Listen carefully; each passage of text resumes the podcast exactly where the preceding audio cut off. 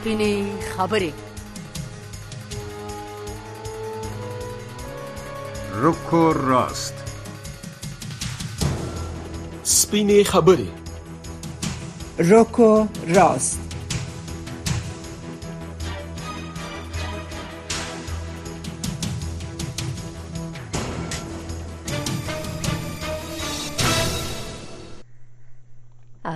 السلام علیکم درنو اوریدونکو ستړي مشه په خیر راغلی. د سپین خبرې یا رکو راس پروګرام لرو.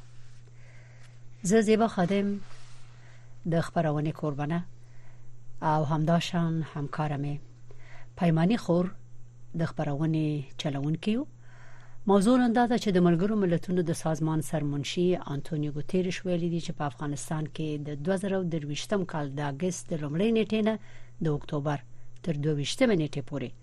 د تیر کال د همدې مودې په پرتله په امنیتي پوښښ کې 2% زیاتوالی راغلی دی.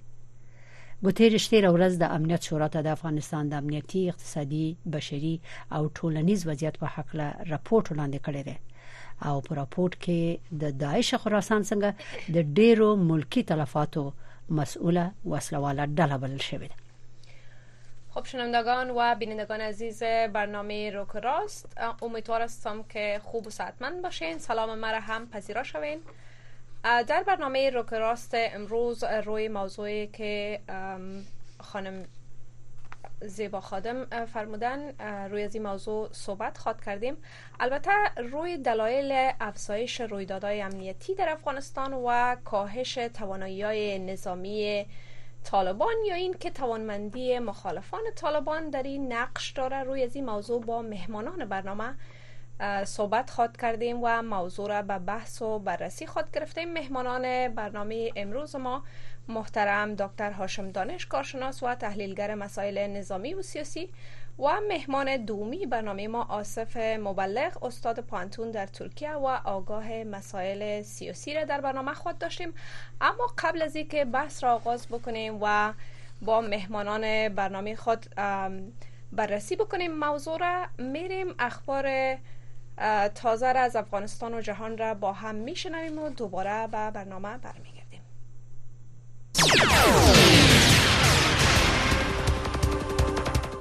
ویان سید سلیمان شاه د بخنې نړیوال سازمان یا امنسټي انټرنیشنل طالبانو لبنه د خود د حقوقو د فعال ندا پروانی او د هغې د میړه د خوشی کېدو هرکله کړي د خبر تفصيل د بخښنې نړیوال سازمان د جمعې د ورځې نا وخت د دسمبر په 15مه د ایکس په ټولنیزه شبکه کې لیکلي چې په کار نه و چې د شذینه فعاله په زندان کې اچول شوی و دغه سازمان لیکلي چې د شذو د حقونو د مدافعانو جولیا پارسي منیجا صدیقي او پریسا آزاد او د نورو مخالفانو چې په خپل سر د بشري حقوقو او عدالت په اړه د څرګندونو لامل نیول شوی او په زندان کې اچول شوی یو ځل بیا په فوري او پرته د قید او شرط څخه د هغوی د خوشی کېدو غوښتنه کوي. د بشري حقوقو د ملاتړ د ادارو د معلوماتو لمخې ندا پروانه د هغې میړه او یو څلور کلن ماشوم د روان 2023م کال د سپټمبر په 19مه د طالبانو لخوا نیول شوی و او ورسره د درو میاشتو باندې د تیرولو وروسته د پنځشنبه په ورځ د دسمبر په 14مه خوشی شوی دی د ښځو او ماشومان د عدالت غوښتنې شبکې هم په یو اعلامیه کې چې د ایکس په ټولنیزه شبکې کې خبره کړې د طالبانو له زندان څخه د بشري حقوقو د ټولو فعالانو د خوشی کېدو غوښتنه کړې ده. شافع سردار امریکا جاغ واشنگټن زمون غږ له واشنگټن نوري د طالبانو د حکومت د بهرنی چارو وزارت وایي چې دغه وزارت سرپرست امیر خان متقی د ترکمنستان د بهرنی چارو وزیر رشید مردوف سره د تورغونډې په سرحدي ښارګوټي کې د دواړو هوادونو ترمنځ اقتصادي اړیکو د پراخېدو په اړه خبرې کړې.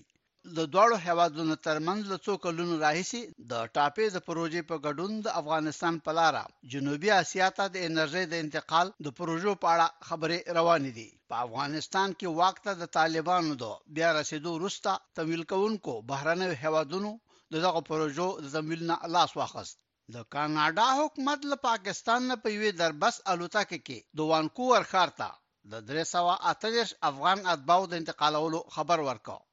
د کاناډا د مهاجرت ادارې د څولک زرو هغو افغانانو د منلو ژمنه کړې و چې افغانستان نه وتلي او دا وخت په پاکستان او یا د مرکزی اسیا په گاونډیو جمهوریتونو کې اړولې دي د پژواک خبري اژانس د ریپورت له مخې د خوست په ولایت کې نږدې 50 زره جریبه غصب شوی ځمکه چې غاصبینو په زور قبضه کړې و بیرته ورنه واخستل شو د امریکا غږ واشنگټن نه د افغانستان سیمه او د نړۍ خبرونه اوري.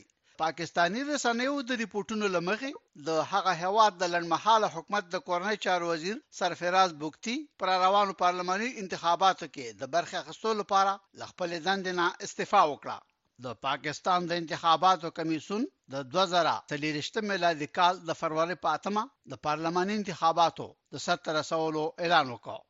د ایران د سیستان بلوچستان په ولایت کې د پولیسو په مرکز د تیرې ورځې د برید وروسته د ایران د کورنۍ چارو وزیر احمد وحیدی ویلي چې د دې بریدونو عاملون ته به غوډ جواب ورکړي. چارواکو د جمعې په ورځ د لیندې په څلې رښتما ویل د وسلوالو په برید کې یو لستنه ایرانی پولیس وژل شوی چې د شپې له خوا وشو ویل کېږي چې په متقابل ډزو کې یو شمیر بریدګر هم وژل شوی دي. په داسې حال کې چې د غزې په تړانګ کې په جنگ کې تر دې دمه لاتل لزر نه زیات فلسطینیان وژل شوی د امریکا غږ د ډیپلوماټیکي چارو خبرياله سندسن د بهرنی چارو وزارت نه خبر ورکړي چې د بایدن د ادارې یو لوړپوړ مقام او د ملي امنیت د شورا مشاور جیک اوسولوان اسرائیل ته د خپل روسي سفر په محل صدر اعظم بنیامین نتنیاهو نه غوښتل چې د پراخو هوایي بریدونو پر ځای د جنگ په دویم پړاو کې هدفي عملیاتو ته مخه کړي. لبل خو د اسرایل په وستر ورځ په غزا کې په غیر ارادي توګه په دزو کې د خپل دریو هغو عسکرو د وژلو خبر ورکو چې له حماس سره بنديانو د الجزیره تلویزیونی شبکې خبريال د لیندې په څلریشتمه د غزې د تړانګې په جنوبي ښار خان یونس کې دی وو توغندي په برید کې وژل شوی آیو تنې ټپي شوی. په مطبوعاتي ریپورتونو کې ویل شوی چې په دغه برید کې د الجزیره کیمرامن سامر ابو دقا وژل شو او د الجزیره تلویزیون د بیرو مشر وایل دحدوح ټپي شو لبل خوا د فلسطینی قیدیانو د حقوقو سازمانونو. له سور صلیب نه غوښتي دي چې د اسرایل په زندانونو کې د نږدې 3000 زره هغو فلسطینی قیدیانو احوال واخلي چې د اکتوبر په ومه په غزا کې د جنگ لپاره کېدو وروسته د اسرایل پوز ونیول او بیل دي چې د کم جرم په سرته رسولې تورن کې په غیر انساني شرایطو کې په قید کې ساتل دي په سره بهیره کې پر نظامی او تجارتي کښتیو باندې د یمن د حوثیانو لخوا د ډرونونو او بالستیکي توغندو په وسیله د بریدونو د زیاتېدو لامل په دغه مهمه ابیلار د کښتیو تګ راتګ کم شوه د متحده ایالاتو د اریزونا ایالت دیموکراتي والی مرمن کیتی هابز د لیندې په څلورشتمه اعلان وکړ چې د مکسیکو سرحد ګډي پولیسا د ملي ګارد ځواکونه استي چې د غیر قانوني کډوالو دراتګ مخه ونیسي. د خبرونو پای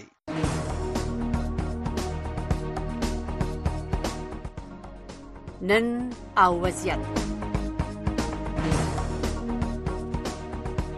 نن او وضعیت. د نړۍ سیمې او افغانستان پر روانو چارو او د نن په وضعیت خبرونه راپورټونه مرکه او تحلیلونه هر شپه په 9 بجې د امریکا غږ آشنا رادیو نه واوري شنوندای عزیز رادیو آشنا صدای امریکا باز هم به برنامه روکراست یا اسپین خبری خوش آمدین در این برنامه ما فرخنده پیمانی با همکارم زیبا خادم. میزبان یک ساعت این برنامه هستیم. مهمانان گرامی هم به برنامه داریم. مهمان گرامی ما دکتر محترم دکتر محمد هاشم دانش کارشناس و تحلیلگر مسائل نظامی و سیاسی و محترم آصف مبلغ استاد پانتون در ترکیه و آگاه مسائل, سیاسی هستند.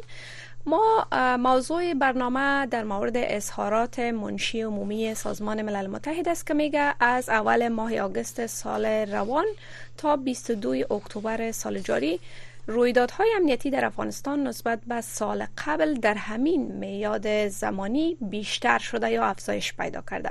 با مهمانان گرامی خود ما صحبت خواد کردیم و موضوع را به بحث خواد گرفتیم که دلایل افزایش رویدادهای امنیتی در افغانستان چی است؟ آیا توانایی های نظامی طالبان کاهش پیدا کرده و توانمندیشان کمتر شده. یا که مخالفان طالبان و یا مخالفان که در افغانستان فعالیت می‌کنن اونها تواناییشان بیشتر شده. بله فرخنده جان پیمانی ډیر خبره دی وکړه او د رپورت هغه یو مهم ټکی هم دا و چې اصله موضوع څه ده او خلکو سره دا سوال دی چې سره د دې چې طالبان وایي چې امنیت په ملک شته ده مګر بیا هم د پاکستان لخوا دا اعتراضونه شوي دي چې الته دغه وسلواله ډلې دی په پا پاکستان کې امنیتي وضع خراب کړې ده.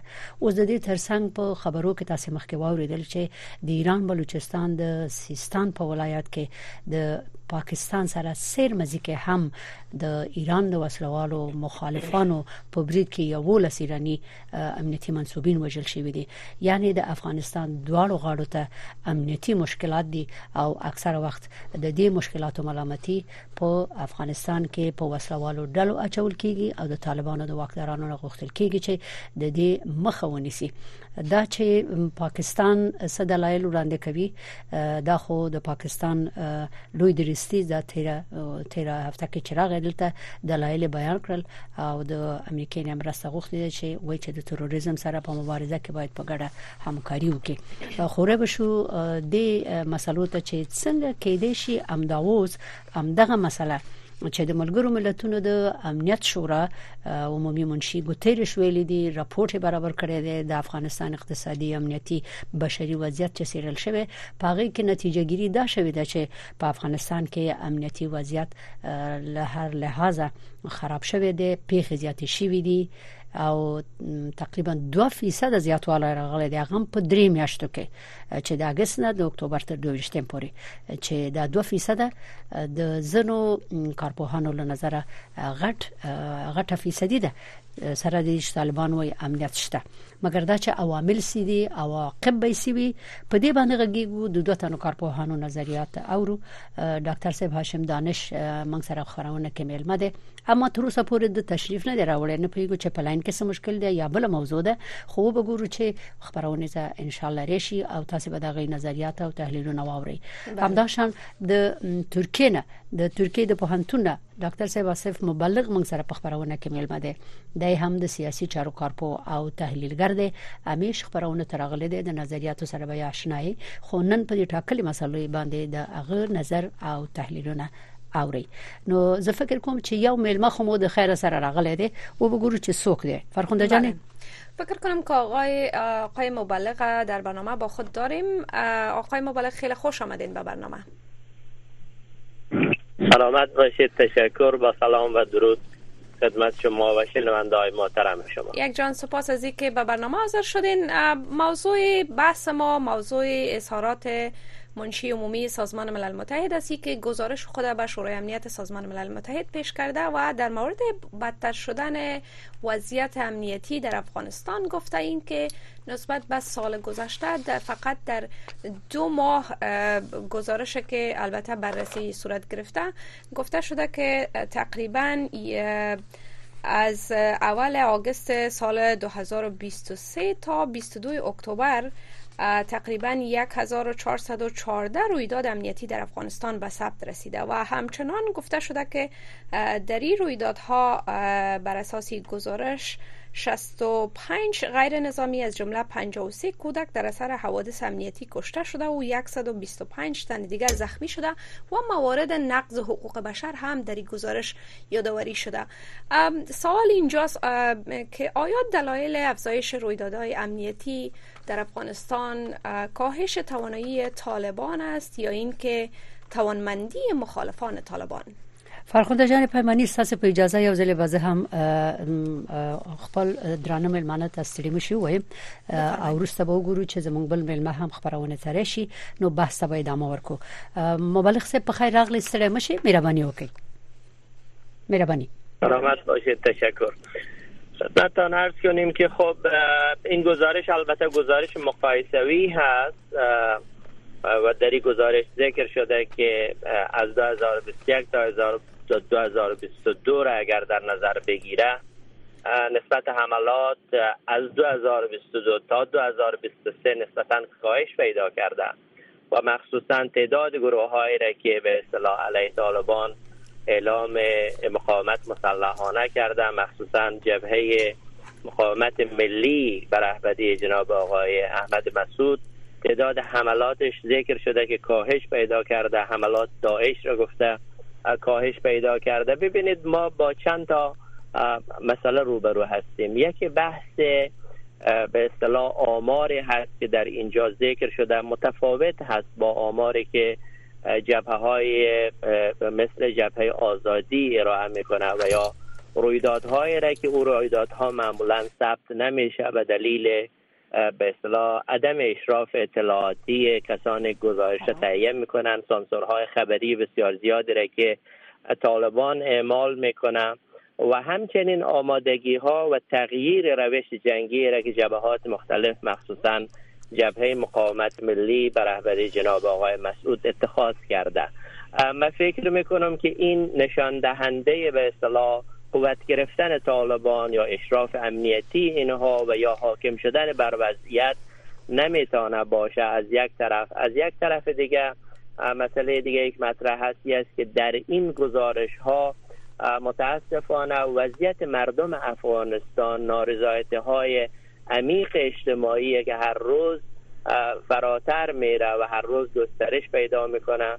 و همچنین موج از خشم خفته مردم افغانستان که به دلیل بد عمل کردن طالبان مخصوصا در جغرافی های غیر بومی طالبان مثل شمال افغانستان مثل مناطق مرکزی افغانستان به اصطلاح این خشم فروخفته را در این گزارش ها اینها نمایش نمیدن و یا ذکر نمی کنن من برداشتم چیز دیگری. است و آنم این هست که تحرکات را که در منطقه شروع شده به اصطلاح بازی های دوگانه را که طالبان با منطقه و با کشورهای دنیا انجام داده از یک طرف کمبود بودجه طالبان از سوی دیگر نارضایتی های اجتماعی را که به اصطلاح به وجود آمده و هر روز عمیقتر میشه. ظلم را که بر پیکره زنان افغانستان پیروان مذاهب و اقوام افغانستان انجام میده مثل یک آتش زیر خاکستر هست.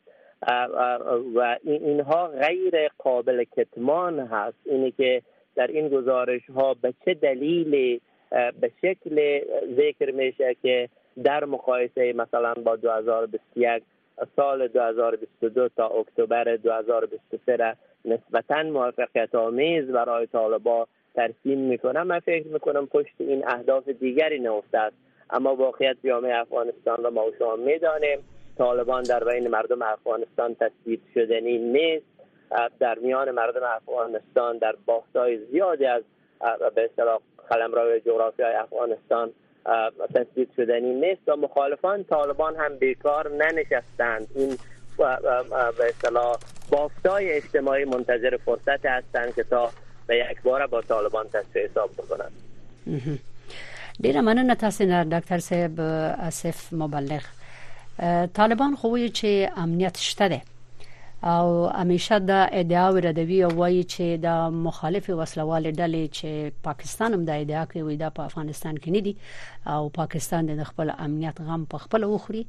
او کومنګ وګورو چې دلته د شرګر ډلې دي د دې ځینې د حملو ترتیبات نسی نو منګي نه پریدو او مخې نسو نو د ملګرو ملتونو راپورټ خو چې د د پیښو کوم زیاتوالی خوده ده دا خو هم په یو استناد باندې دا خو ما وایي نه دي. ستاسو په فکر غټه وجه څه ده؟ د ټولو نه غټه وجه څه ده؟ ولې؟ مبالغ سه خب من فکر میکنم که ببینید طالبان به شدت نیازمند ای هستند که خودشان را مسلط بر اوضاع در افغانستان تثبیت شده و غیر قابل کتمان هم برای دنیا معرفی بکنن و هم برای مردم افغانستان بله. بنابراین یکی از چیزهایی که اونا بسیار رویش تاکید می‌کنه بحثی است که ما امنیت را در افغانستان آوردیم اما مسئله باریک در اینجا ای است که بحث امنیت اولا فقط مربوط به مسئله به اصطلاح عملیات های مسلحانه نیست. امنیت مربوط به امنیت اقتصادی هست امنیت روانی هست. بله. اینه که امروز از جای جای افغانستان از شمال از جنوب مردم مهاجرت می‌کنن. به کرور کرور به کشورهای همسایه و جاهای دیگه. نشان دهنده این هست که این مردم آینده برای خودشان در افغانستان تحت حاکمیت طالبان نمی بینن از یک طرف از طرف دیگه هم در بحث امنیت ببینید مخل امنیت در گذشته خود طالبا بوده. در قتل غیر نظامیان افغانستان در قتل مردم ملکی دست طولانی از جنایت را طالبا داره. و امروز هم اگر اینا مدعی هستند که ما امنیت را آوردیم امروز خفقان و استبداد را برای مردم آوردن. این به معنای تثبیت وضعیت نیست. این به معنای وضعیت مریض بیمارگونه هست که این وضعیت بیمارگونه یک زمان در جامعه تشکر. تشکر. مبالغ صاحب زمون قبل محترم ملما دانش صاحب خبرونه ترغله دي. دانش صاحب غاوري ستړي مشي سلامونه. تاسو ته تخنیکی همکارانو ته جناب مبالغ صاحب ته سلامونه و نیکی هیلی سلام برسه برتان آقای دانش خوش آمدین به برنامه. سلام بر شما فرخونه فرخنده جان استاسه په اجازه. دانش محترم د ملګرو ملتونو د سرمنشي خبرې چې د راپور کې کړی دی وایي چې په تیر دریو میاشتو کې افغانستان کې ډېر زیاتې امنیتي پیښې ثبت شوې دي. اته یو ځکه ذکر شوی دی چې یو زر سلور سو یو سل وخت نو دا ډېر زیات غده شمیر دی غټ تعداد دی چې دومره زیاتوالی راغلی 2% او وی چې د دې امرو شاته زیاتره د داعش خراسان د سنگلاس او غي امامه ډله پکې مسوله بلل شوې ده. امداشان د ملګرو ملتونو په دې تازه راپور کې دام راغلي دي چې په افغانستان کې سو طالب ضد وسلوالو ډلو فعالیتونه کړي یعنی یو نه ده او پاره کې یو هم د ازادي جبهه ده دا دوه جبهې مختلفې جبهې دي. څنګه چل دی طالبان خو چې خراسان څنګه ځپل شوی ده نشته داعش دلته. څنګه د سرپورټونو راځي ستاسو په نظر؟ وجه څه ده؟ د هم سلامونه. تاسو ته جواب ته و چې طالبانو په دې لاند وخت کې تقریبا یو څلور هاتیا صفایزه لیست خپور کړي چې په دې څلور اتیا صفایزه لیست کې هغه کسان چې دوی ته مزاحمتونه کوي و یا غواړي چې د دوی ثبات برهم وي جنگونه تدامان وي هغه کسان په لیستو کې لیکلي و چې ډیر یو طویل لیست چې چې ما متعلق هغه لیست هغه لیست کې د دې کونار لغمان دي ځایو کې ډیر د داعش کسان پناخه کړی و او لیکل سی و په هغه کې چې د ازبکستان ډیر تابع دلته و د تاجکستان تابعین دلته د پاکستان له حالت ډیر کسان د داعش په نامه فعالیت لري. البته نو په دې لحاظ باندې افغانستان ک په دغه وضعیت باندې پاتې سي ز په دې باور باندې یم چې وضعیت او وخامت تزي بلې داعش فعال رول لري او دوی فقط توانیدلي دي چې د جبهي جنگو جلوګيري وکړي طالبانيان په جبهي لحاظ باندې هیڅ په افغانستان کې منظمه جبهه نه لري ولی چریکي عملیات په نظامی لحاظ باندې جلوګيري کولې ډېر سخت ده. یعنی کچېری دا حالتونه په پیشرفته ترين ملکو کې ترمنګ پاکستان یعنی فوجي قوي تر استخباراتي قوي تر. یعنی یو ټي ټي پی یو ټي جي پی دوی په دې حالت رسولې دي چې عاصم منیر د امریکای نه کومک غواړي و رئیس استخباراتي امریکای ته سفر کوي دا غونه غواړي چې د دوی سره همکاري وکړي د تروریزم د مهارولو. بل دغه جبهه ازادي او جبهه مقاومت دا د داعش د لنی دا د پخوا نظامی کسان دي چې د دوی په مقابل کې ولاړ شوی دي او بعضی چریکي حملات کوي. او د دوی جبهه په افغانستان کې د پیلان د لپاره دی هم منظمه جبهه نه لري منظم قرارګاوي نه لري. په چریکي ډول باندې بعضی وخت مثلا یو عملیات په کابل کې اجرا کې بل عین په بغلان کې اجرا کې. داسې شکل باندې کنټرول د نظامی لحاظ څخه ډیر مشکل دی. دا حالتونه په افغانستان کې وجود لري او دا نگرانی کاملا پر ځای باندې دي. بله. خب آقای دانش یک سال اینجا ایجاد میشه. ای البته گزارش های از نامنی ها در افغانستان در حال برمیخیزه که لوی درستیز اردوی پاکستان هم فعالیت گروه های دشت افغان را در خاک افغانستان البته اظهار می‌کنه که بیشتر از سی گروه دشت افغان در داخل خاک افغانستان فعالیت دارند و بیشتر نگرانی که نگرانی ها هم از نامنی ها در پاکستان هم از بیشتر از سوی خاک افغانستان ابراز میشه. چقدر فکر می‌کنین که گفته های مقام پاکستانی می‌تونه که ثبوت شوه یا ای که به حقیقت نزدیک باشه؟ آسم منیر صحبتایش و طرحی که اینا داشتن گپی نو در صحبتایشان وجود نداشت. اینا بر استناد و نمو راپورهایی که سیایی دارن یعنی مرکز استخبارات امریکا دارن بر مبنای امو معلومات اینا صحبتایشان در اونجا. اما به خاطر که در پاکستان بغیر از اینمی چند گروپ محدودی که در پاکستان فعالیت دارند. تا به حال اینا در پاکستان عملات داعش بسیار نادر هستند هیچ وجود ندارند. فقط در اونجا تی تی پی و تی جی پی هستند. یعنی دو گروهی هستند که در پاکستان فعالیت می‌کنن و پاکستان را به این وضعیت آوردن. پاکستانی ها در شرایط فعلی یک بار دیگر ای تو فکر می‌کنن که توجه دنیا را در مبارزه با تروریسم جذب کنن که دنیا دوباره پایشان در افغانستان دخیل شود اگر در افغانستان هم دخیل نمیشه اقل مرزهایی که بین افغانستان و پاکستان هستند این مرزها باید به نیروهای دیگی سپرده شود خارجی ها باشه یا در چوکات ناتو یا نیروهای امریکایی که امنیت را بگیره. که به نظر من تحلیل ما است که استخبارات امریکا در شرایط فیلی اطلاعاتش بسیار موثقتر از های پاکستان هستند. امریکایی ها تا همین لحظه هم که ما شما صحبت می‌کنیم از عملکرد طالبا بسیار راضی به نظر می‌رسند و همیشن گفتن که در مبارزه با داعش و از اینکه امنیت امریکا و یا کشورهایی که بر دفاع از امریکا و یا متحدین امریکا هستند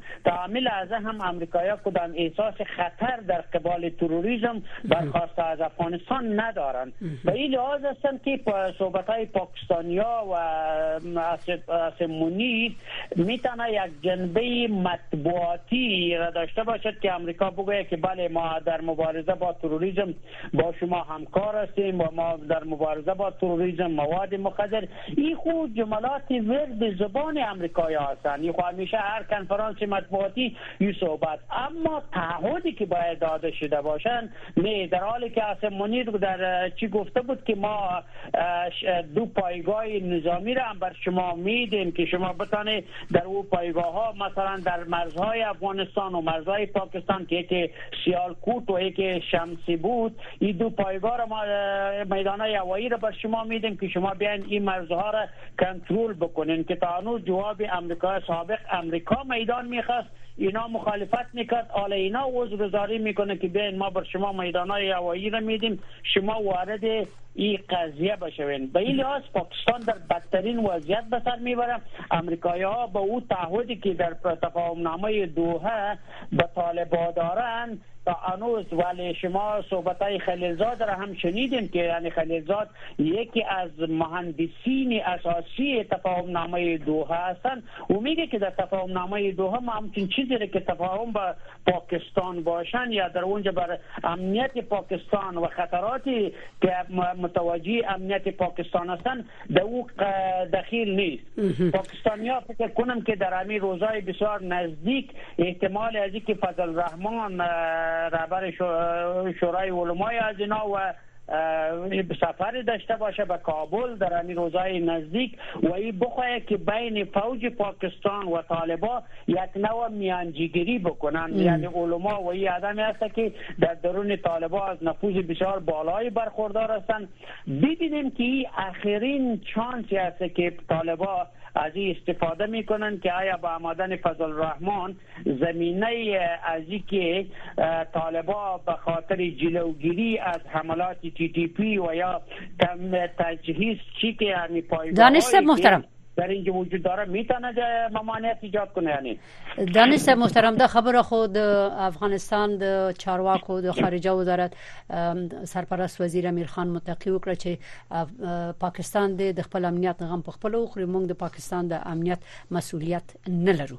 دا خبره دوی کړې د لکه څنګه چې تاسو ویلې د دوه په تړون کې د خبره نه ده شوی نو اوس خبره تاسو د اډې وکړه چې مخکې امریکایانو غوښتل چې بیرته دغه د شمسي اډه یا سیال کوټ کې د تا دا ورکه پاکستان نه منله.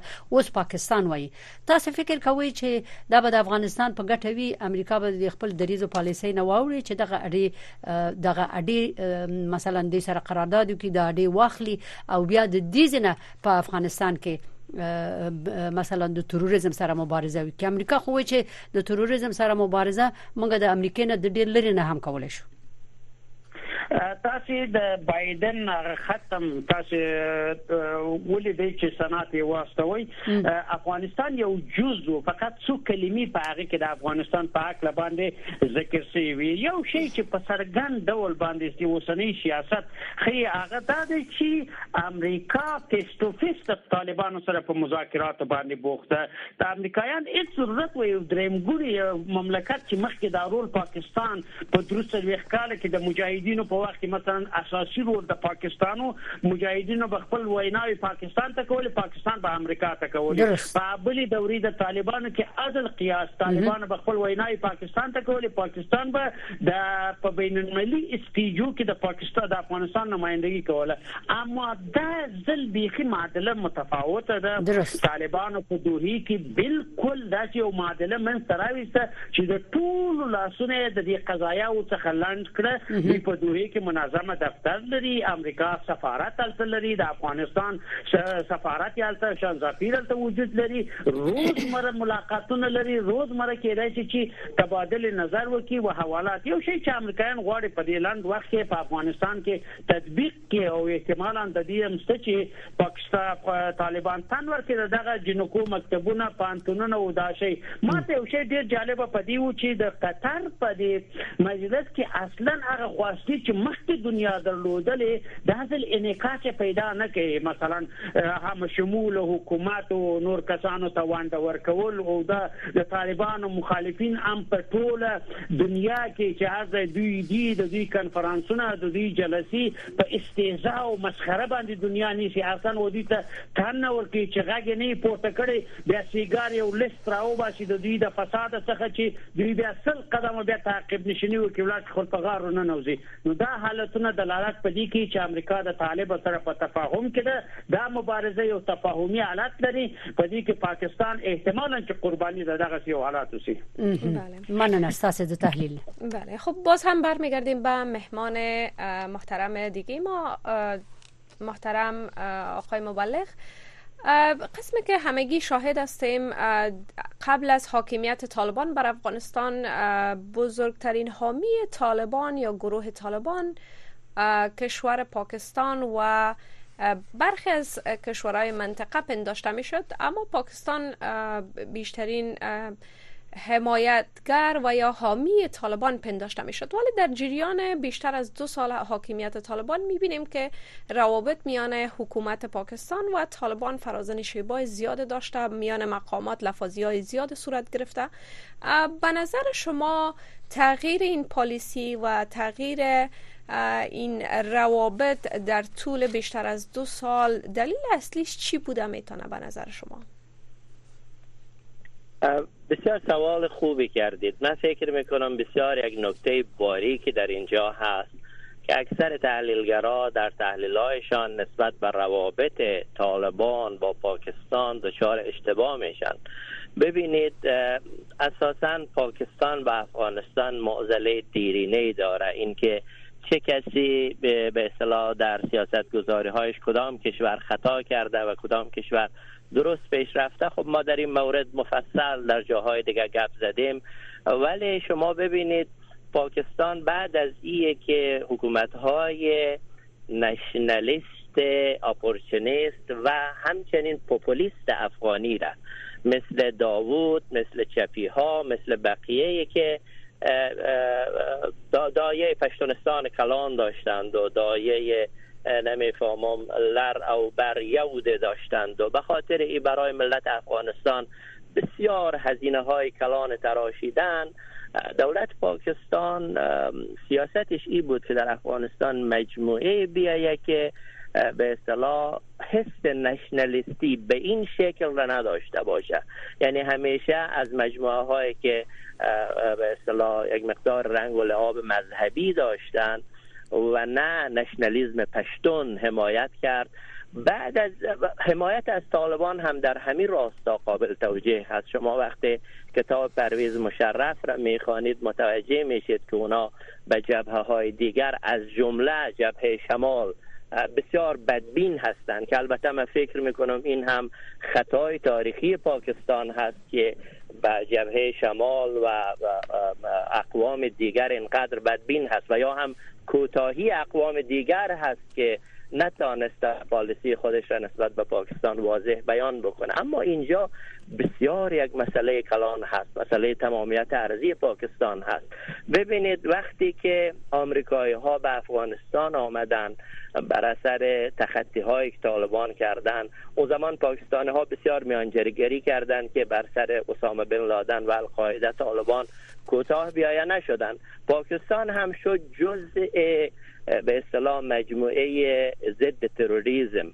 و بعد از او طالبان به کما رفت و بعد از او بود که اینا کم کم خودشان را سامان دادن و تی تی پی پاکستان هم در سالهای بین 2007 و بعد به وجود آمد. شما می‌فهمید تی تی پی پاکستان و, و طالبان افغانستان یکی هست. تی تی پی پاکستان چرا به وجود آمد؟ گفتن که نظامیان پاکستانی برخلاف طالبان افغانستان با کفرها متحد شده و بنابراین ما باید بیایم خود ما هم یک طالبان داشته باشیم که دولت پاکستان را تحت فشار قرار بدیم. بعد از او بازی روابط پیچیده تر شد. یک دیده از نشنلیست های پشتون نفوذ پیدا کردن در داخل تی تی پی پاکستان و طالبان افغانستان. امروز طالبان افغانستان نمی‌تونه مسئولیت خودش را در قبال جنایت های که طالبان پاکستان انجام میده کتمان بکنه. ایه که امیر خان متقی یا مثلا دوست ما آقای دانش میگه که امنیت پاکستان رفت به افغانستان نداره در چیز دوه نبوده ناامنی پاکستان به دست طالبان هست. ناامنی پاکستان به دست طالبان هست. تمامیت ارضی پاکستان تهدید هست. و, و, و این این مسئله به خیر ملت افغانستان نیست. به خیر من بسیار با با با اصطلاح به رکگویی معروف هستم. من می‌خوایم بگم به خیر عوام پشتون نیست. این آتش را که طالبان افغانستان نشنلیست های بخرد و همچنین تی تی پی پاکستان روشن کرده. امروز 40 50 میلیون پشتون را در مقابل 200 میلیون پنجابی قرار داده. شما سخنرانی اجمل نواده خان عبدالغفار خان رئیس نشنل عوامی پارتی را ببینید. میگه که در در پنجاب و پشتونها حتی کار نمیدن. چرا؟ چون این افتراق اجتماعی را تی پی پاکستان کلید زده. و چرا؟ ما به همین افتراق اجتماعی در افغانستان مگر نسوختیم؟ این شعارهای مفت عوام فریبانه متاسفانه که برای ما ده ها هست هزینه می آفریند امروز پنجابی ها را هوشیار کرده و اینه که اقوام افغانستان تصمیم خود را باید بگیره که با پاکستان چی بکنه چون چالاکای که در بین طالبا هست نشنالیست های چالاک مردم افغانستان را هزینه بسیار زیادی بر سر مسئله پاکستان برشان تحمیل کرده. و ما نمی‌خوایم جزی از این هزینه دهندگان دیگر تاسو نه. ډیر تشکر استاد استاد نظر واوریدل شو استاد تحلیل ټولو واورید. او به ګورو چې دانش سه په دې برخه کې څه نظر لري. په یو برخه کې چې تاسو د پرویز مشرف د کتاب خبرو او دا مو ویل چې د نورو اقوام سره د پاکستان مناسبات خنوبو مګر په دې اواخرو کې کله چې 2000 یوم یو وشتم کال اگست کې پاکستان او افغانستان کې حکومت سقوط کو نو د طالبانو مخالفان ټول ډلې ټول وسلوال ډلو مشران ټول راغلل پاکستان ته او په اسلام آباد کې د پاکستان د مقاماتو لخوا ډیره خپزیرایي وشوله. د دې نه خو د معلومیږي چې پاکستان د طالبانو او همداشان د طالبانو د مخالف ډلو سره همیش روابط درلودل او روابط ساتلې دي. د پاکستان د پالیسۍ په حق له غواړم دانش صاحب ستاسو نظر واورم چې مبلغ صاحب وي وای سلويخ مليونه پښتانه دوی په خطر کې اچولې دي او دا د افغانستان په ګټه نه ده. دغه لوبه چې اوس روانه ده په دې سیمه کې د افغانستان د ملت ګټه پکې ده کزرار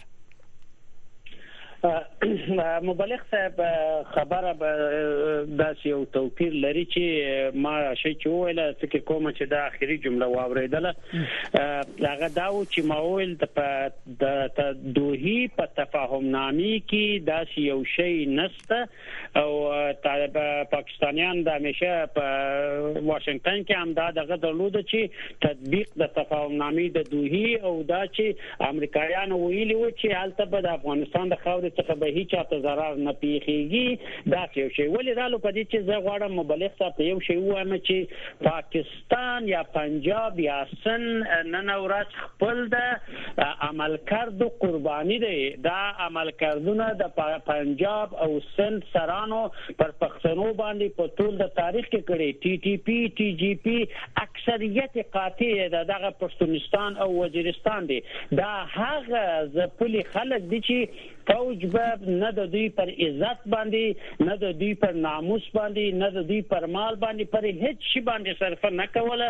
او دوی په دې ظالمانه ډول باندې په پښتونخوا په مناطقو کې دوی برخورد کوي. هغه حالتونه فوج وسودي پاکستان دې حالات ته را رسولې دي. زه هیڅ وخت نه وایم چې افغانستان د طریقه څخه پاکستان ته مشکلات نه دي. بالکل شیروالي و په کم ځای کې دی؟ اوس د ټي جی پی کسان په کم ځای کې دي بالکل دوی کدا چې په افغانستان کې حضور ولري د دوی رهبری یا د دوی کسان. اما دا چې پاکستان وغواړي چې د طالبان یو تحلیل چې دوستان کتابي تحلیل نه باید همیشه منغو تاسو ولرو چې طالب پاکستان په وجود باندې راوړی دی او دا د پاکستان تر اغیز لاندې باید وسی طالب یو وخت یو ګروه یو تحریک دی چې د مبارزي او جنگونه اوس یو حکومت دی اوس طالبان هغه سي عمل کوي هغه سي فرمان روایی چې وخت دوی ګروه د پاکستان څخه کوله هغه فرمان روایی د حکومت په سطح باندې ارګز نشي کولای دا یو موضوع. دومره موضوع دا ده چې طالبان په اولی دورې کې چې کرنل امام هغه وخت وو طالبانو د پاکستان څخه ډیر ښه خاطرې درلودي او کرنل امام رابطه ډیره عمیقه و ولی چې په 2001 کې دا سیستم تغییر وخوري او طالبانو رهبرانو سره ډیر توهینامیز برخورد وشو ډیر زندانیان سو ډیر ورک سو او ډیر ګوانتانامو ته انتقال کړ د پاکستانیانو په ذریعہ باندې کتا چې طالبانو مصاحبه اوریدلی ویل وخت کسان ګوانتانامو ته راتله موږ تاسو کوی چې ګوانتانامو زندان خدای کړه پاکستان موږ ته وایي چې ګوانتانامو بيخي اسلامي دی. کفر اصل په پاکستان کې حاکم دی چې موږ سره دومره بد برخورد کوي نو په دې خاطر سره طالبان ډیر اقلیت اقلیت پر رهبری کې د پاکستان د سیاستو سره توافق لري. اکثریت د پاکستان څخه ډیر نفرت لري او پاکستان یو دوست مملکت نشي ګڼلای. په دې خاطر چې پاکستان استراتیژیکي د قضایا او پاک لبانې نه لري پاکستان یو اقتصادي کرایسوي فوج دی چې هر څوک پیسې ورکي هر څوک اجاره کوي هر څوک کرایي کوي د پاکستان استخبارات او فوج او اجارهي سیستم دی. نو که اوس هم امریکا مثلا یو څو میلیارډ ډالر ورکړي چې د افغانستان د طالبانو پر ضد باندې تاسو نظامی حرکت وکړي د پاکستان فوج آماده دي چې دا کار وکړي. بدون د دې چې وسنجي چې د دې په ملک کې څومره پښتانه وجود لري څومره بلوچستان وجود لري د دې کسانو پر احساسات باندې څومره تاثیر کوي چې څومره داخلي مخالفت دي ته پیدا کیږي؟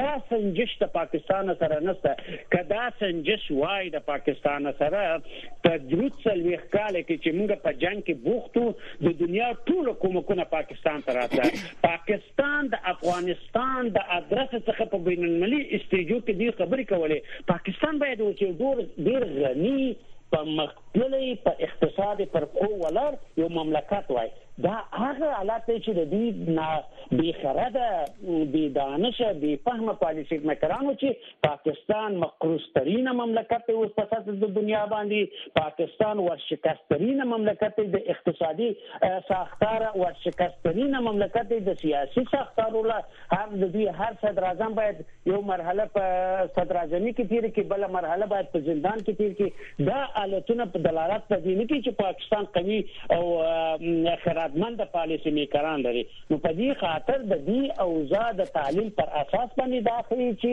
پاکستان د دغه وضعیت د ژغورلو لپاره دا لار نه لري چې وظیفه پر افغانستان باندې فشار وارد کړي یا امریکا ته فایده ورکړي یا امریکا وادار پدې کې چې د تراسه بریدونه وکړي چې دا په امریکا دا کار نه کوي پاکستان کې باید یو عدالت برقرار شي لکه څنګه چې مبلغ تا وایي چې طالبان په حکومت کې بالکل موږ مانو چې عدالت شاید وجود ونه لري مثلا ډیر ډیر اقوام شاید دغه برخه چې د دوی سهمیت نه لري دا عدالت په پاکستان کې اذن قیاسي پاکستان په څو اویا کال کې فقط سند او پنجاب د حکومت کړی دی نور یو ملت هم دی حق نه دی ورکړی نه بلوچستان ته ورکړی نه پښتنو ته ورکړی منظور پښتون دغه فعل په زندان کې ولې په زندان کې وچی منظور پښتون کوم داشت داشت افغاني برید تر سره کړی دی چې دی باید په زندان کې وچی هغه لاره پر دغه باندې کېنسته پر بولدک پر مرز باندې پر چمن کې چې پاسپورت مونږ نه منو. په دې خاطر چې تر اوسه پورې د فرضي د دیورن کرخه معلومه نه ده چې دا خبره د پاکستان د کډ افغانستان د یو ریفرندوم ته ضرورت لري. دا دواړه خو ته قانونمند حکومتونه راسي ملتونه پر دې باندې تصمیم وتري هغه یو مشروع مدني خاص غواړي چې مطلب کې دوی په گاډي باندې د ځام کوي سړی زندان ته ماچي و ورځې ریماند ورته ورکی او تر شکنجو تر پاکستان باندې آیا دا ظلمونه په پاکستان کې قابل د تحمل دي؟ نو چې نو تحمل سي پاکستان باید و دغه حالت تراشي مننه مننه. بله. خب با در نظر داشته گفتای آقای دانش این که در زمان که طالبان یک زمانی که طالبان یک گروه بودند بیشتر از حمایت کشور پاکستان برخوردار بودند. ولی زمانی که طالبان من حیث یک حکومت ارز وجود کردن و فعلا در افغانستان حاکم هستند حالا دیگر به حکومت پاکستان سرخم نمی کنند و از این لحاظ بیشتر اختلافات میان ای حکومت طالبان و پاکستان بیشتر بیشتر شده رفته در این دو سال گذشته. به نظر شما با در نظر داشت نگرانی هایی که از داخل خاک افغانستان وجود داره و کشورهای امسایه افغانستان و کشورهای منطقه همیشه ابراز نگرانی می‌کنن که مبادا از خاک افغانستان به کشورهای اونا هم ای نامنی ها بروز بکنه. فکر می‌کنین که تهدیدی از سوی خاک افغانستان بر سایر کشورهای امسایه و در کل کشورهای جهان متصور است داخل خاک افغانستان؟ فرخنده جان د پروګرام یو څو دقیقې پاتې دي. د دواړو محترمو نظریات به اورو چې د دوی بله. نظر څنګه دی. البته به شکل بسیار خلاصه می‌تونن بله نظر بله. من خدمتتان عرض بکنم که ببینید چند تا مسئله بسیار مهم هست. کاش بله. یک میز ملی چیده می‌شد که ما در دلای خود را در اون میز ملی با تمام برادرایی که در خاک ساکن هستند مطرح می‌کردیم. بله. ببینید چند تا مسئله مطرح هست. پری روز 23 نفر در دیره اسماعیل خان کشته شد. درست؟ از فوج پاکستان. دیروز در راست که ایران بلوچ ها جیش العدل که نفراتشان امروز یکی از نفرات کلیدی جیش العدل معاون استخبارات طالبان در هرات هست. در راست که ایران دوازده تا پلیس ایرانی کشته شد. اینا تهدید منطقه‌ای هست و این این این توافق نامه دو بسیار یک توافق نامه خطرناک بود که امروز هم پاکستان ها می‌فهمه هم ایران ها هم روس ها آرام آرام متوجه شده و این آغاز کلید یک جنگ دیگر در افغانستان خواهد بود. من این را به شما به عنوان نشانی می‌گذارم. چرا؟ چون در کشوری که عدالت نباشه و حاکمان اون هم یک گروه منحط که از, از, از بخش بسیار خرد از افغانستان نمایندگی می‌کنه تمام امورات را به دست خودش قبضه بکنه و بخواهد که در هماهنگی با قدرت های کلان استعمارگران مردم را به اصطلاح مدیریت بکنه. مثل سلف هایشان که با, با, با زور انگلیسی ها مردم ما و شما رو کشتند اینها جواب نخواهد داد. ببینید بحث بحثی که منظور پشتین چه کرده؟ منظور پشتین وقتی میگه من مرزها رو به رسمیت نمی‌شناسم به امنیت پاکستان صدمه می‌زنه. منظور پشتین مرز دیورند را به رسمیت نمی‌شناسه. علی وزیر مرز دیورند را به رسمیت نمی‌شناسه. علی وزیر چرا باید بیاید در زمان اشرف غنی احمد زی در ارگ در مراسم تحلیف شرکت بکنه. من یک رنگ قوی از نشنالیزم خام را در این منطقه می‌بینم. این نشنالیزم خام مردم افغانستان را بیدار کرده کشورهای همسایه را بیدار کرده. ما به عنوان اقوام در افغانستان مشکل با پنجابی ها نداریم. ما اعلام می‌کنم به عنوان اقوام افغانستان مشکل با سندی ها نداریم. ما به حاکمیت تمام کشورها از جمله پاکستان ها بر مرزهایشان احترام قائل هستیم. تشکر. امروز جاهای مثل خیبر پختونخوا ببینید ایالت است برای خودش. یعنی چی؟ یعنی اینا به صورت فدرالی اداره میشه. ما نام فدرال در افغانستان حرام است. مننه تاسو نه مننه تاسو نه وبخي ډاکټر صاحب مبلغ یو دقیقه تاسو نظر اورو تاسو اختلاف لري مخالفت لري نېشنلیزم یا نورو. هغه سیستمونو سره دانش صاحب یو دقیقه لرو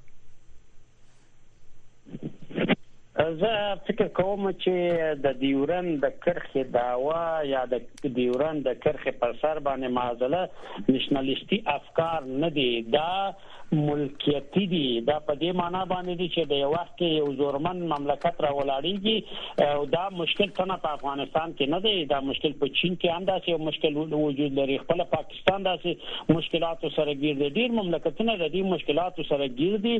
مونږ هیڅ وخت پر نېشنلیسټي افکار باندې یا تنگ نظرانه نېشنلیسټي افکار باندې دا موضوع خلک نه مطرح کوي او دوی ته نه باید ابعاد د پښتونیزم ورکړي چې پښتانه فقط دی ډیورن غواړي نور ملیتونه نه غواړي دا ډیورن د تاجک حق هم دی د ازبک حق هم دی د بلوچ حق هم دی.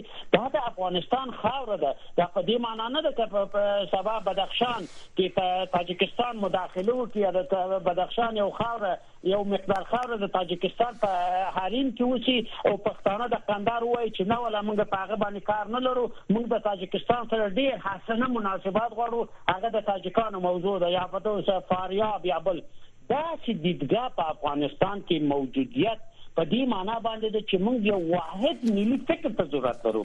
موږ باید یو واحد ملي فکر خلق کړو چې هغه دلالت دې وکړي چې د افغانستان هر ګوچه هر کرخه هر بلیشتم ځکه د ټول ملت دا په یو قوم په یو ملیت پورې ارتباط نه لري. دا د ملي مسله ده. موږ هم د پاکستان سره کوم دښمنی نه لرو د پنجاب سره کوم دښمنی نه لري. ولې خپل پر حق او خپل پر حریم باندې یو لیست هم اجازه نه ورکوي چې دا رسمي ونه که په ریفرندوم کې یو چې د پښتانه او بلوچستان د اخو مګ باندې خلک وویل چې موږ یک جان سپاس آقای دانش.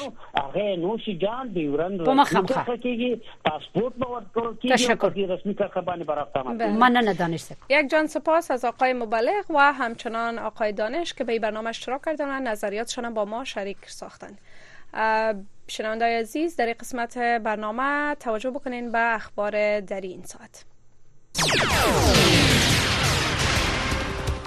شنوندگان عزیز سلام. شب همه شما بخیر. حفیظ آصفی هستم. توجه کنین به خبرهای این ساعت. سازمان عفو رهایی ندا پروانی و همسرش را از زندان طالبان اتفاق مثبت خوانده و خواستار رهایی سایر فعالان زندانی شده است. عفو الملل ناوقت جمعه 15 ماه دسامبر با نشر پیام در شبکه اجتماعی ایکس نگاشته است که این فعال زن نباید از ابتدا به زندان انداخته می شد این سازمان یک بار دیگر خواستار آزادی فوری و بدون قید و شرط زنان مدافع حقوق بشر جولیا پارسی منیژه صدیقی فریزا آزاده و سایر مخالفان شده است که به گفته عفو بین الملل به دلیل صحبت از حقوق بشر و عدالت خودسرانه بازداشت و زندانی شدهاند. ندا پروانی همسرش و پسر چهار سالش که به تاریخ 19 ماه سپتامبر توسط طالبان بازداشت شد حدود سه ماه را در زندان سپری کرده است در حالی که تا پایان سال 2023 تنها 15 روز باقی مانده است انتونیو گوترش منشی عمومی سازمان ملل متحد می گوید که از اول ماه اگست تا 22 ماه اکتبر سال روان میلادی 1414 رویداد امنیتی در افغانستان به ثبت رسیده که این رویدادها نسبت به زمان مشابه در سال گذشته دو درصد افزایش را نشان می‌دهد. در گزارش ربعوار انتونیو گوترش که روز جمعه زیر نام وضعیت افغانستان و پیامدهای آن بر صلح و امنیت بین المللی به شورای امنیت سازمان ملل متحد ارائه شد با وضعیت امنیتی، اقتصادی، بشری و اجتماعی افغانستان پرداخته است. بر اساس این گزارش از ماه اگست امسال تا 22 ماه اکتبر 65 غیر نظامی از جمله 53 کودک در اثر حوادث امنیتی کشته و 125 تن دیگر زخمی شدهاند. در این گزارش شاخه ولایت خراسان گروه دولت اسلامی یا داعش مسئول بسیاری از تلفات غیر نظامیان دانسته شده است. اداره هواشناسی وزارت ترانسپورت حکومت طالبان پیش بینی کرده که 17 ولایت این کشور امروز نیز شاهد بارندگی خواهد بود. این اداره گفته است که احتمال بارش برف باران در هرات نیمروز فرا بادغیس قندهار زابل دایکندی غور فاریاب سرپل میدان بردک غزنی سمنگان بلخ و جوزجان وجود دارد. خبرهای منطقه و جهان را از رادیو آشنا صدای امریکا میشنوید. با گزارش رسانه های پاکستانی سرفراز بکتی وزیر داخلی حکومت موقت این کشور به دلیل اشتراک در انتخابات پارلمانی پیشرو از سمتش کنارگیری کرده است. جزیات بیشتر را از سهر عظیمی میشنوید. روزنامه انگلیسی جان پاکستان گزارش شده است که قرار است بوکتی از آدرس حزب مسلم لیگ بر رهبری نواز شریف صدر سابق پاکستان در انتخابات پارلمانی پیشروی پاکستان اشتراک کند. منابع به این روزنامه تایید کردند که انوارالحق کاکر سرپرست صدارت پاکستان نیز روز جمعه 15 دسامبر استعفای بوکتی را پذیرفته است. سرفراز بوکتی قبل از اینکه به عنوان سرپرست وزارت داخل پاکستان منصوب شود سناتور بود. بوکتی به عنوان وزیر داخلی حکومت موقت پاکستان نقش مهمی در اجرای تصمیم سوم اکتبر حکومتش در مورد اخراج یک میلیون و هفتصد هزار مهاجر بدون مدرک قانونی که اکثریتشان افغانها هستند از آن کشور داشت. ادامه خبرها با دنبال حمله مهاجمان مسلح بر یک پایگاه پلیس ایران وزیر داخله این کشور گفته است که با عاملان این حمله پاسخ قاطع خواهد داد پلیس ایران روز جمعه 15 ماه دسامبر گفت که در نتیجه حمله تروریستان بر یک پاسگاه پلیس در ولایت جنوب شرقی سیستان و بلوچستان کم از کم 11 افسر پلیس کشته و چندین تن دیگر زخمی شدند احمد وحیدی وزیر داخلی ایران در شبکه اجتماعی ایکس نوشته است که عاملان و آمران این حمله تروریستی بدانند که ما پاسخ قاطع خواهیم داد. روسیه و اوکراین هر کدام بارها تلاش برای حمله با تیاره های بی پیلوت را در روز گذشته پس از آن گزارش دادند که هنگری 50 میلیارد یورو کمک مالی اتحادیه اروپا را به اوکراین ویتو کرد. نیروهای هوایی اوکراین روز شنبه اعلام کرد که سیستم دفاع هوایی اوکراین سی تیاره بی پیلوت از جمله 31 تیاره را در 11 منطقه این کشور سرنگون کرده است. روسیه همچنان شام جمعه اعلام کرد که یک سلسله حملات تیارهای بی پیلوت اوکراینی را خونسا کرده است. وزارت دفاع روسیه در تلگرام اعلام کرد که واحدهای ضد هوایی روسیه 32 تیاره بی پیلوت اوکراینی را بر فراز شبه جزیره کریمیا منهدم کرده است. گراند شاپس وزیر دفاع بریتانیا روز شنبه گفت که در جریان افزایش ها در آبهای منطقه یک کشتی جنگی بریتانیایی یک تیاره بی پیلوت تهاجمی مشکوک را بر فراز بهیره سرخ سرنگون کرده است. بریتانیا ماه گذشته اعلام کرد که کشتی HMS دایموند یکی از پیشرفته ترین کشتی های نظامی خود را به خلیج فارس میفرستد تا حضور خود را در منطقه تقویت بخشد. وزارت دفاع گفت که کشتی نظامی HMS دایموند عملیات را برای تضمین آزادی کشتیرانی اطمینان بخشیدن به کشتی های تجارتی و تضمین جریان امن تجارت انجام می‌دهد. این استقرار کشتی بریتانیایی به دنبال آغاز درگیری بین اسرائیل و حماس و توقیف یک کشتی باربری مرتبط با اسرائیل توسط شورشیان حوسی صورت گرفت. و نشست دو روزه اتحادیه اروپا روز جمعه در بروکسل پایتخت بلژیم با اختلاف نظر کشورهای عضو در مورد اوکراین پایان یافت. موضوع اصلی در این نشست ارائه بسته کمک مالی برزش 50 میلیارد یورو به اوکراین بود. پس از آن که ویکتور اوربان صدراعظم هنگری بسته کمک مالی را به روز پنجشنبه ویتو کرد رهبران اتحادیه اروپا در مورد این پیشنهاد به توافق نرسیدند. اوربان در مصاحبه با ها گفت که هنگری با ارائه بودجه بیشتر با اوکراین مخالف است و اولویت اصلی فیلی باید پایان دادن به جنگ بین روسیه و اوکراین باشد. با این اخبار تا این ساعت از رادیو آشنا صدای امریکا.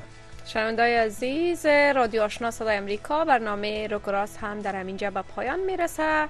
باز هم برنامه های دیگر رادیو آشنا صدای امریکا را دنبال بکنین. برنامه بعدی برنامه ننوازیت است که زیبا جان تقدیمتان می‌کنه. شب روزتان بخیر.